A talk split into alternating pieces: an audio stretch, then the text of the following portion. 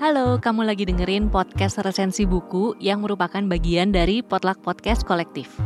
Di episode ini, kamu akan dengerin resensi buku dari teman-teman yang berpartisipasi di kompetisi podcast resensi buku 3. Kompetisi ini berkolaborasi dengan tujuh penerbit, yaitu Gramedia Pustaka Utama, Kepustakaan Populer Gramedia, Penerbit Haru, Buku Mojok, Penerbit Mizan, Bentang Pustaka, dan Gagas Media, dan juga berkolaborasi dengan Inti Megah Suara Indonesia.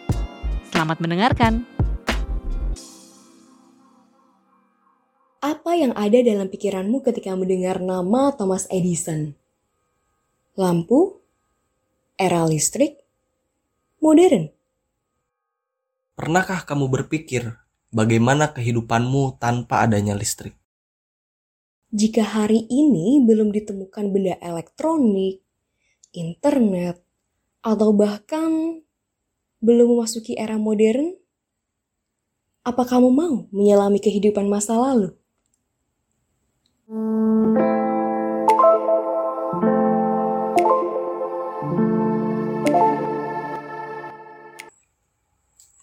Eko Sulistyo menulis dalam bukunya tentang bagaimana listrik yang merupakan teknologi modern muncul di negeri jajahan. Pembahasan dimulai dari pembangunan pembangkit listrik di Batavia pada 1879, kemudian diikuti oleh kota-kota koloni lainnya. Sesuai judulnya, Jejak Listrik di Tanah Raja, Listrik dan Kolonialisme di Surakarta. Maka pembahasan tersebut menjadi pokok dalam buku. Raja-raja lokal seperti Mangkunegaran VI, Mangkunegaran VII, dan Pakubuwono XI termasuk aktor penggerak dalam pengadaan perusahaan listrik di Surakarta, selain orang-orang Eropa dan Kapten Cina. Kolaborasi yang terjadi antara pemerintah lokal, pihak swasta, dan pemerintah kolonial telah berhasil melahirkan Solskjaer Electricité Maskapai atau perusahaan listrik Solo. Selain perkara teknis tentang perubahan kota menjadi terang, penulis juga memberikan gambaran bagaimana berkembangnya usaha pabrik gula milik kerajaan akibat penggunaan teknologi dan energi listrik. Selanjutnya juga digambarkan mengenai lahirnya budaya perkotaan, seperti mulai dikenalnya bioskop di kalangan masyarakat. Ini terdapat pada halaman 169. Penulis membawa pembaca untuk menelusuri waktu menuju periode 1930-an. Kala itu, kaum priai dari Sragen, Klaten, dan Wonogiri dapat menikmati hiburan bioskop di Solo dengan bintang film Charlie Chaplin, Rudolph Valentino, Harold Lloyd, serta Gloria Swanson. Film yang diputar dinamakan gambar sorot atau gambar hidup. Sebab filmnya bisu alias tidak ada suara. Lantaran film tidak ada suaranya, para pengusaha bioskop mencuri perhatian pengunjung dengan menyewa para pemain musik di depan gedung bioskop.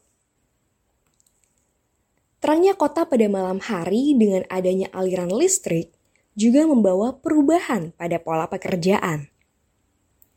Biasanya, masyarakat bekerja hanya bisa dilakukan pada siang hari. Setelah adanya penerangan lampu, kerja malam bukanlah hal yang sulit.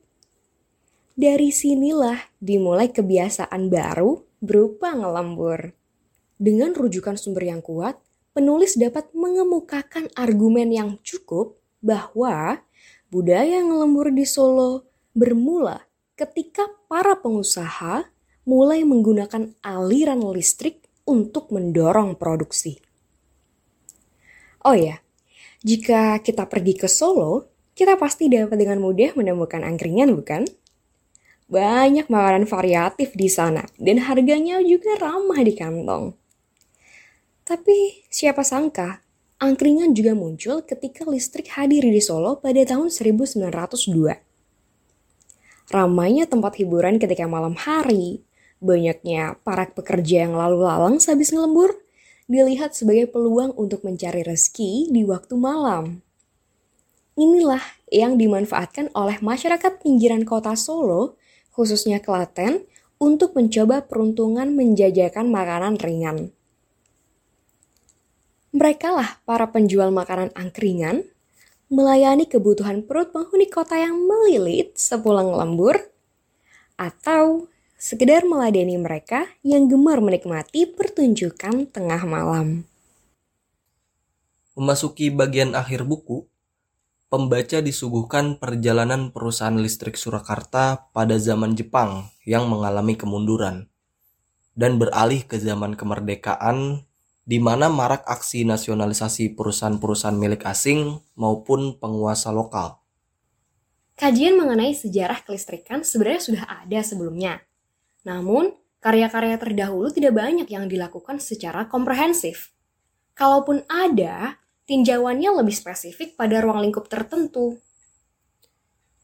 Buku setebal 278 halaman ini menjadi salah satu kajian awal soal sejarah kelistrikan dengan sumber primer yang lengkap.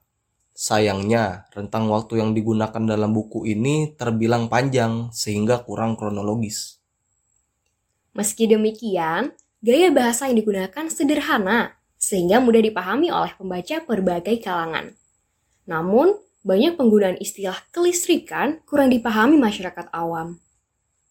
Misalnya pada halaman 7, terdapat kalimat sistem utama untuk transmisi dan distribusi adalah arus bolak-balik 3 fase 50 cycle per detik atau strum putar 50 period.